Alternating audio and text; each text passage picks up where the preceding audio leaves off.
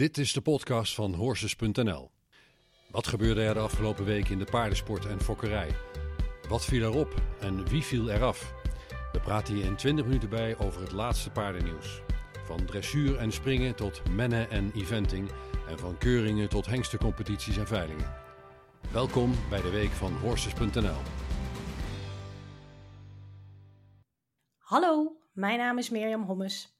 In deze podcast kijken we elke week terug op de bijzonderheden van het afgelopen weekend in de sport en fokkerij. Daarnaast nemen we u mee in wat ons verder opviel in paardenland en kijken we even wat er in de paardenkrant staat deze week. Bij mij zit mijn collega Rick Hel Helmink. Welkom Rick. Dankjewel, hallo. Hallo. Nou, jij zei het vorige week al, er waren heel veel keuringen het afgelopen weekend. Ik denk Ja. dat we er even een paar eh, op een rijtje moeten zetten. Eh, sowieso bij de Zuidenburen waren de BWP'ers die eh, hadden hengstenkeuring tweede fase. Ja, de tweede fase bij de BWP'ers. eh daar hebben ze 48 springhengsten genomen. Dat is ongeveer de helft. Dat is wel een redelijk aantal. De jury was ook wel tevreden. Ja, En drie dressuurhengsten. Nou ja, dressuur dat doet niet echt mee in België. nee, Ehm, dat had ik. maar de fokkers zijn er gewoon niet zo heel enthousiast ook over, omdat.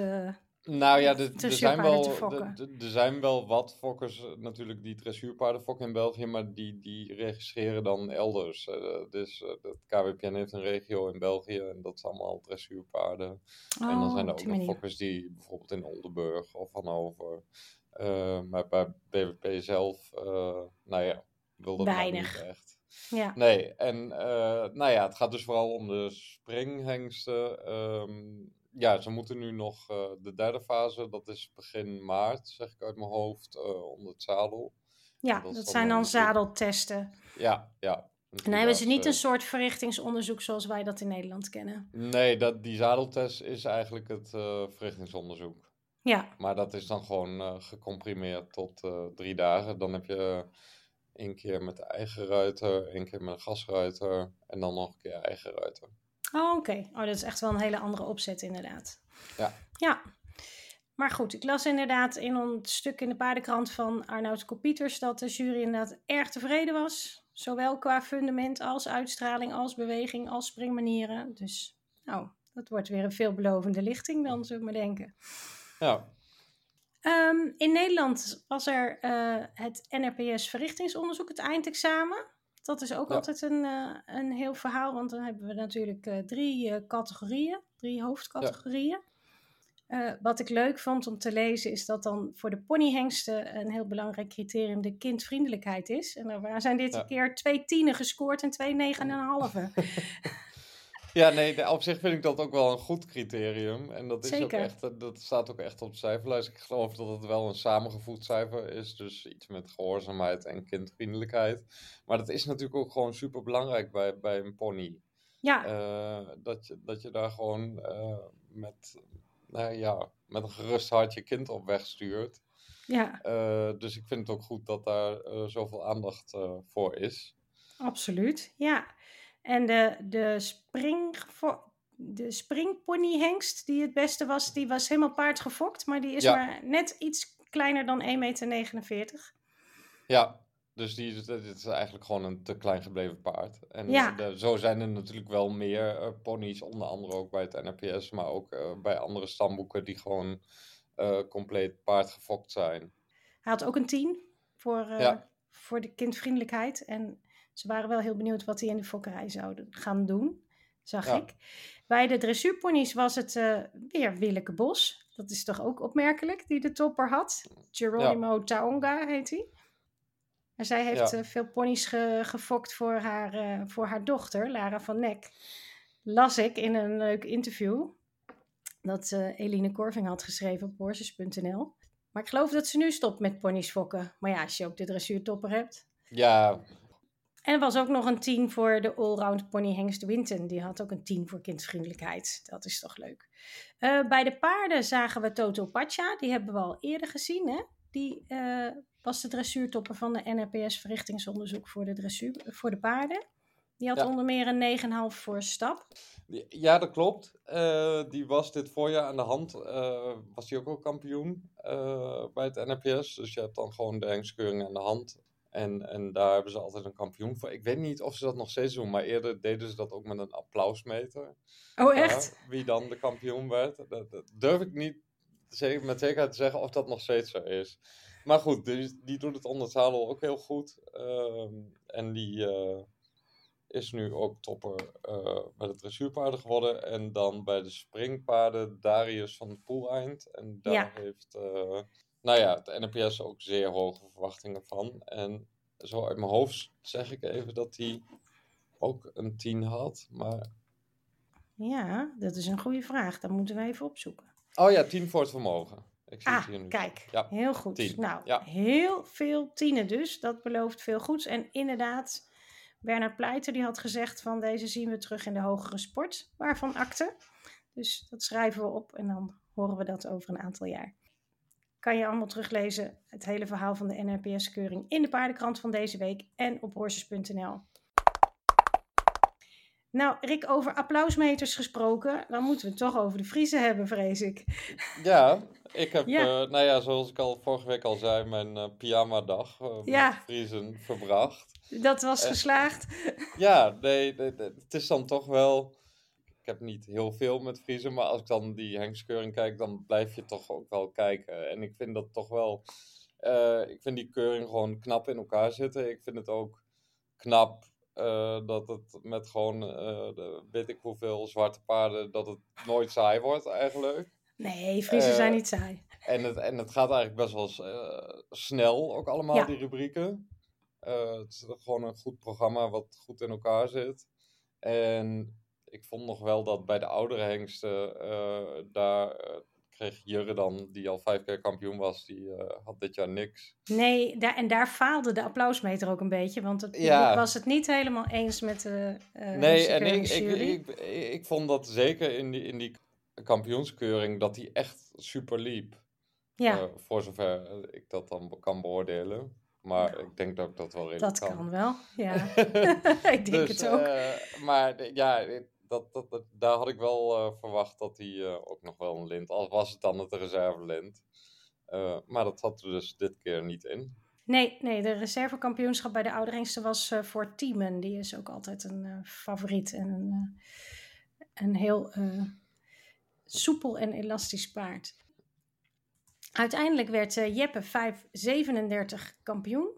Niet alleen bij de jonge hengsten, maar ook overall. En daar werkte de applausmeter weer wel, want het hele WTC stond weer op de banken, zoals Ja. gebruikelijk. Ja, bijzonder paard. Hij is eh, officieel nu vijf. Hij was de eerste keer, ehm, de eerste ronde bij het, eh, was hij niet meegegaan naar het verrichtingsonderzoek. Maar eh, afgelopen jaar wel. En daar is hij meteen ook de topper van het verrichtingsonderzoek geweest. Met een paar negens, als ik het goed heb. Maar eh, heel Friesland vond toch ook wel dat hij kampioen moest worden. Ja, dat, nou ja, dat leek mij ook wel, ja. Dat was wel duidelijk. Thuis vanaf de buis, ja. Ja, precies. En de reservekampioen was ook een jongere hengst. Martinez? ja, Martinez. Martinez. Het was Martinez, hè? Ja. Ja, ik wou zeggen met een M. Martinez. ja. ja, Martinez was eh, de reservekampioen, zowel bij de jongere hengsten als in het algemeen kampioenschap. Wat nog wel opmerkelijk was, daar had ik het nog over met iemand, is dat ze niet meer een rondje hoefden te lopen in het algemeen kampioenschap. Daar stonden die twee oudere en die twee jongere kampioenen. Ja, er en hoefde toen geen was het... kampioenschapsrondje meer aan te pas komen, want ze hadden het allemaal zo goed op het netvlies staan. Ja, daar heb ik nog wel eh, wat vraagtekens bij horen plaatsen. Maar Ja, dat is toch. Nou ja, niet dat er zo geen sfeer was, maar eigenlijk is dat toch ook wel. eh, maar misschien durfden ze het niet aan met wat dan het meeste applaus zou krijgen. Ja, ik, eh, ik weet het ook niet. Maar ik denk dat iedereen uiteindelijk wel, wel geheel eh, eens was met het Ja, eindresultaat. dat Ja, geloof ik ook en wel. dat is En- toch ook heel ja. knap als je hengstekeuringsjury bent. Ja, ja. en ik geloof dat ze ook wel genoeg rondjes dan gedaan Ja, ze hadden ook al genoeg zondag. rondjes. Ja, precies. We hadden ze kunnen, goed gezien. Ehm, tijdens die drie dagen in Leeuwarden zijn, is ook de tweede bezichtiging van de Friese hengsten. Daar zijn uiteindelijk 48 doorverwijzingen gekomen uit 24 vaderdieren.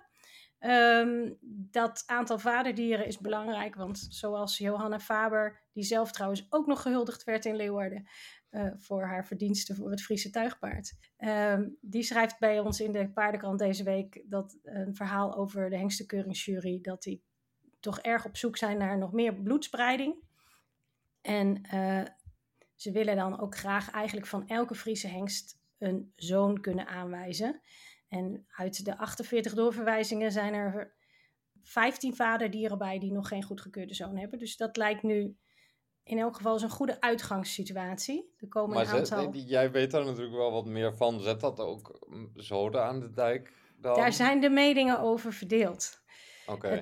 Um, ja, dat is een lastige vraag. Het is wel zo dat uh, er vaak ontzettend veel gefokt wordt met uh, de jonge hengsten.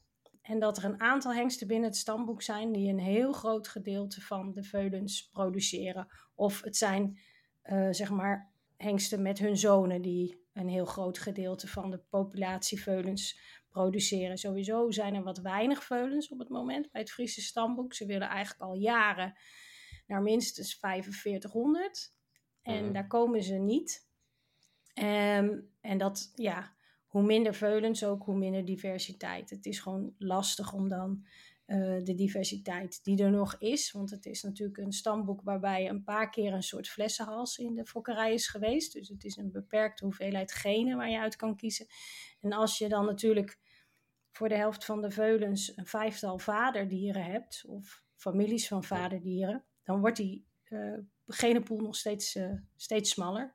Dus dat is wel een serieus aandachtspunt waar ze ook al wel mee bezig zijn natuurlijk. Maar uiteindelijk um, kan de, het KVPS natuurlijk niet beslissen voor fokkers welke hengst zij op hun merrie zetten. Er zijn nee, wel dekbeperkingen voor de jonge hengsten, maar dat is het dan ook. Ja, maar het is natuurlijk wel, eh, bijvoorbeeld bij de, rijpaardstamboeken is er ook wel eens besloten om, uh, onder, onder andere het KWPN heeft dat besloten, maar ook Hannover, om te zeggen van we roepen geen kampioen meer uit, om, om te zorgen dat niet iedereen dan achter die kampioen aanrent. Uh, Zo'n feestje zoals afgelopen weekend werkt dat natuurlijk ook wel een beetje in de hand. Wordt, wordt daar wel eens over nagedacht om, om de kampioen af te schaffen? Dat heb ik nog niet eerder gehoord, maar het is dus wel zo dat de jonge hengsten, die dus het meest populair zijn, die hebben allemaal een dekbeperking van 180. Okay. Nou is daar nog steeds, uh, kan je daar nog steeds discussie over voeren, omdat, uh, en die wordt ook gevoerd op dit moment, omdat 180 misschien nog wel te veel is. Die, dat getal stamt uit een tijd dat we 8000, 9000 veulens per jaar hadden ja. in het stamboek. En dat, ja, die hebben we dus niet meer. Um, maar dan nog zie je, zeker dit jaar zijn er bijvoorbeeld negen nieuwe hengsten goedgekeurd die zullen niet allemaal die 180 halen. Er zijn er inderdaad dan drie of vier waarschijnlijk, of vijf, die dan wel ja. helemaal vol zitten. Maar ze zullen niet allemaal die 180 bereiken. En ja. ook van de oude hengsten zijn er gewoon een aantal die heel veel uh, zullen fokken. En als ze eenmaal goedgekeurd zijn op afstammelingen, dan mogen ze vrij. Dan is het aantal dekkingen vrij. Um, maar jij vroeg, moet je de kampioenskeuring afschaffen? Ja, want dekt een, een Friese kampioen... Dekt ja, die nou dekt wel meer. ja. Ja, en zeker bij de, als het een oudere hengst is die goedgekeurd is op afstammelingen, dan zie je daar wel een resultaat van. Maar um, de kampioen afschaffen helpt niet om alle 90 stamboekhengsten aan een evenredig aantal dekkingen nee, te helpen. Nee. En dat zou je het liefste willen. Ja. Dus. Maar we gaan het zien. We gaan ja. uh, nu dus verder met 48 uh, jonge hengsten. En die gaan naar de voorrijdagen. En na drie voorrijdagen weten we wie er dan naar het CO gaan. Nou, tot zover de vriezen maar even. Rick, wat staat er verder in de paardenkrant? Uh, je hebt een leuk artikel geschreven over Thunder van de Zuidhoeven. Vertel. Ja, Tun Thunder van de Zuidhoeven, die is uh, gefokt door uh, Weiler René Vet, een Belg. En nou ja, die fokte in één jaar, fokte die Tangelo van de Zuidhoeven en Thunder. En dat zijn allebei echt, echt hele goede hengsten geworden. Ja. En Thunder, dat, dat, nou ja, was echt zijn lieveling. En dat blijkt ook wel uit het feit dat hij, nou ja, zijn kinderen moesten aan hem beloven dat ze hem zouden cremeren en zijn as dan weer naar zijn favori favoriete stal zouden brengen. En ja, dat is, zijn wel verhalen, dat, daar blijkt wel uit dat, ja, hoeveel zo'n man uh, nou ja, van zo'n paard hield. Ja, wat bijzonder. Uh, ja, want normaal, nou ja, de gemiddelde hengshouder laat geen paarden cremeren en haalt de afstand weer terug naar huis. Nee, dat hoor je niet zo vaak. Nee. dus nou ja, dat is wel gewoon een, een, een leuk verhaal. En het is ook een hengst die in de eerste jaren niet heel veel gedekt heeft. Eigenlijk pas naar het eind toe. Toen iedereen zag uh, dat de nakomelingen het goed deden. En nu uh, staat hij tweede op de Horselix ranglijst achter Chaco Blue. Dus ja, gewoon, uh, ongelooflijk. Ja. ja, want hij heeft vanaf 2010 echt veel gedekt, zag ik. Ja, de, dat, uh, in 2008 is hij geblesseerd geraakt. En ja. vanaf 2010 ongeveer, de, toen heeft hij echt grotere aantallen gekregen. Ja, en toen is hij in 2015, zeg ik uit mijn hoofd, overleden. Ja, ja, dat klopt. Begin 2015. Ja, en het was ook wel opmerkelijk, want deze week is een van zijn uh, beroemdste uh, nakomelingen, namelijk H.H. Azur. Ja. Die is uh, gekozen tot Youssef Paard van het Jaar, hè? Ja. De, en paard, die is de Amerikaanse met gegaan. ja, die is vorig jaar met, Ja. Ja. Dus nee, dat is een nou. leuk verhaal. Naast alle keuringen en Thunder van de Zuidhoeven staan er natuurlijk nog meer dingen in de paardenkrant deze week. Ik vond zelf uh, heel interessant om de kettingbrief te lezen deze week. Daarin komt uh, dierenarts Willem van Kampen aan het woord. Die werkt bij paardenkliniek Wolvenga. En die legt het dierenartsenperspectief uit over röntgenfoto's, de beoordeling daarvan en aan- en verkoop. En dat uh, vond ik wel heel ver verhelderend. Hij heeft onder andere het citaat: Ook een paard met een perfecte set röntgenfoto's kan helaas nog steeds geblesseerd raken. Er lijkt me geen speld tussen te krijgen verder. We gaan even in galop door de week. Want het belangrijkste concours van afgelopen weekend was natuurlijk de Wereldbeker in Basel. Um, we gaan eraan wennen. We waren er al aan gewend. Maar uh, Jessica van Bredo Werndel die reed weer dik 90% in de Wereldbekerkuur. Was het zelfs 91? 90 geloof ik. 90. Um, ik zat wel te denken. Zij heeft deze kuur, dat is een uh, Franse chansonkuur die rijdt ze volgens mij al twee jaar nu. Is dat nog ehm. leuk als we in Parijs terechtkomen? Nou ja, eh, om heel eerlijk te zijn, ik heb hem nooit leuk gevonden. Ah, dat is jammer. Het een, een beetje een, een samengeraapsel uh, van Edith Piaf.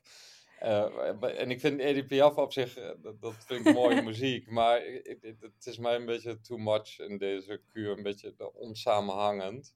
Ja. Um, ja, dus ik, ik, ben niet zo'n fan van deze kuur. Nee, dus onze tip aan Jessica is doe de La La Land kuur maar in Parijs. Ja, die vond ik wel uh, een stuk mooier, maar die hebben we ook al heel vaak gehoord. Die hebben we ook al heel vaak gezien, dat is zo. Uh, ik denk dat ze toch de chansons uh, gaat doen. En als je er dik 90% mee scoort, waarom ook niet? Um, wat leuk was, is dat de Nederlandse Amazone Devenda Dijkstra, die reed mee met haar paard Hero. En zij werd uiteindelijk uh, tiende in de kuur. Onze collega Savannah Pieters uh, heeft een leuk verhaal geschreven op Horses uh, Premium over, over haar prestatie in Basel.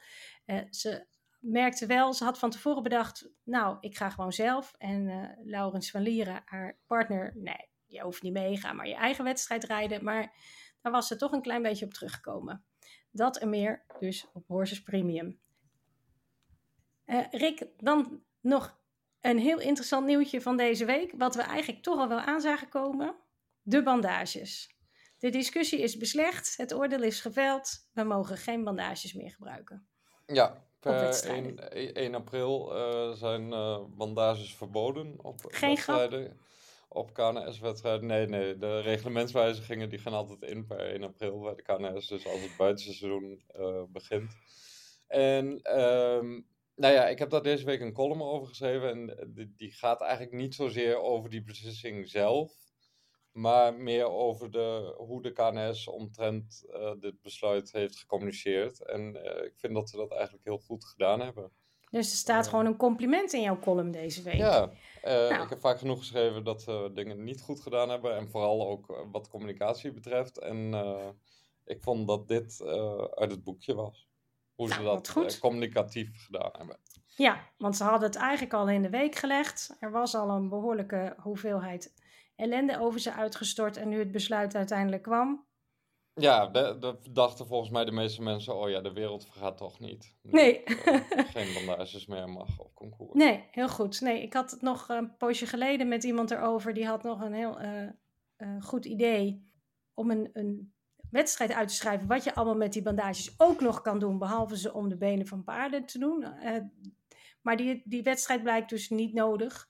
Misschien als mensen nog heel erg veel last hebben van eh, grote stapels bandages. Waar ze van ze niet meer weten wat ze ermee moeten doen. Dan kunnen we dat alsnog, dat idee, weer ehm, uitvoeren. Wat kan je allemaal doen met bandages als je ze niet meer om de benen van je paard mag doen? Ik denk dat er heel veel mogelijkheden zijn. Wat mij nog opviel deze week was Mr. Tak van Victor Bettendorf. Dat is ook best veel gelezen bij ons op de site. Het waren eigenlijk twee berichten, want eerst hoorden we dat Mr. Tak, het springpaard van de Luxemburgse springruiter Victor Bettendorf, dat hij verder ging onder een andere ruiter. Toen was nog niet duidelijk wie dat was. Op dat moment dacht ik, wat sneu voor Bettendorf, want hij heeft de afgelopen jaar daar toch hele goede resultaten mee geboekt. Daar was hij ook ontzettend blij mee en was heel enthousiast over dat paard. Maar ja, nu blijkt dat hij naar Harry Smolders gaat.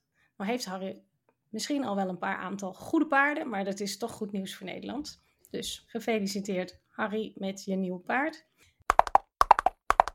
Oké, komen we bij de agenda voor de komende week. Volgende week is het Jumping Amsterdam. Dus ik verwacht niet zo heel veel vuurwerk van onze Nederlandse combinaties dit weekend. Want die zitten zich allemaal druk voor te bereiden. Wat denk jij? Ja, daar ga ik wel van uit. Ik, eh, de masterlist staat geloof ik nog niet online. Dus eh, ik kan natuurlijk al wel zien welke Nederlanders gaan. Maar ik ben ook wel benieuwd welke niet-Nederlanders gaan. Eh, maar dat zal in de komende dagen wel ergens pub- gepubliceerd Ja. worden.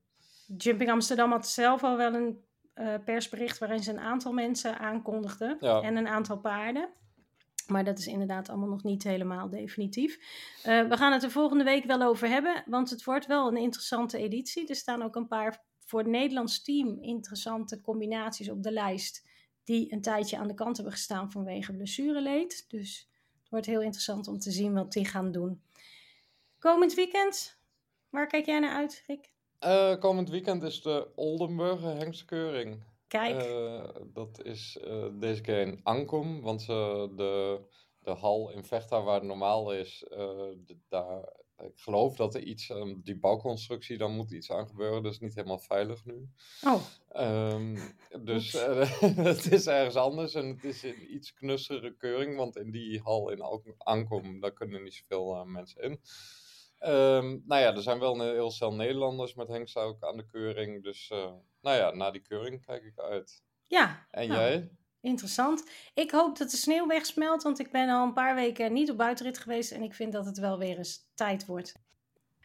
Dat was het voor deze week. Rick, hartelijk bedankt weer voor je bijdrage. Graag gedaan. Alle luisteraars, hartelijk bedankt voor het luisteren naar deze aflevering van onze podcast. Dit was de Week van Horses. Graag tot volgende week.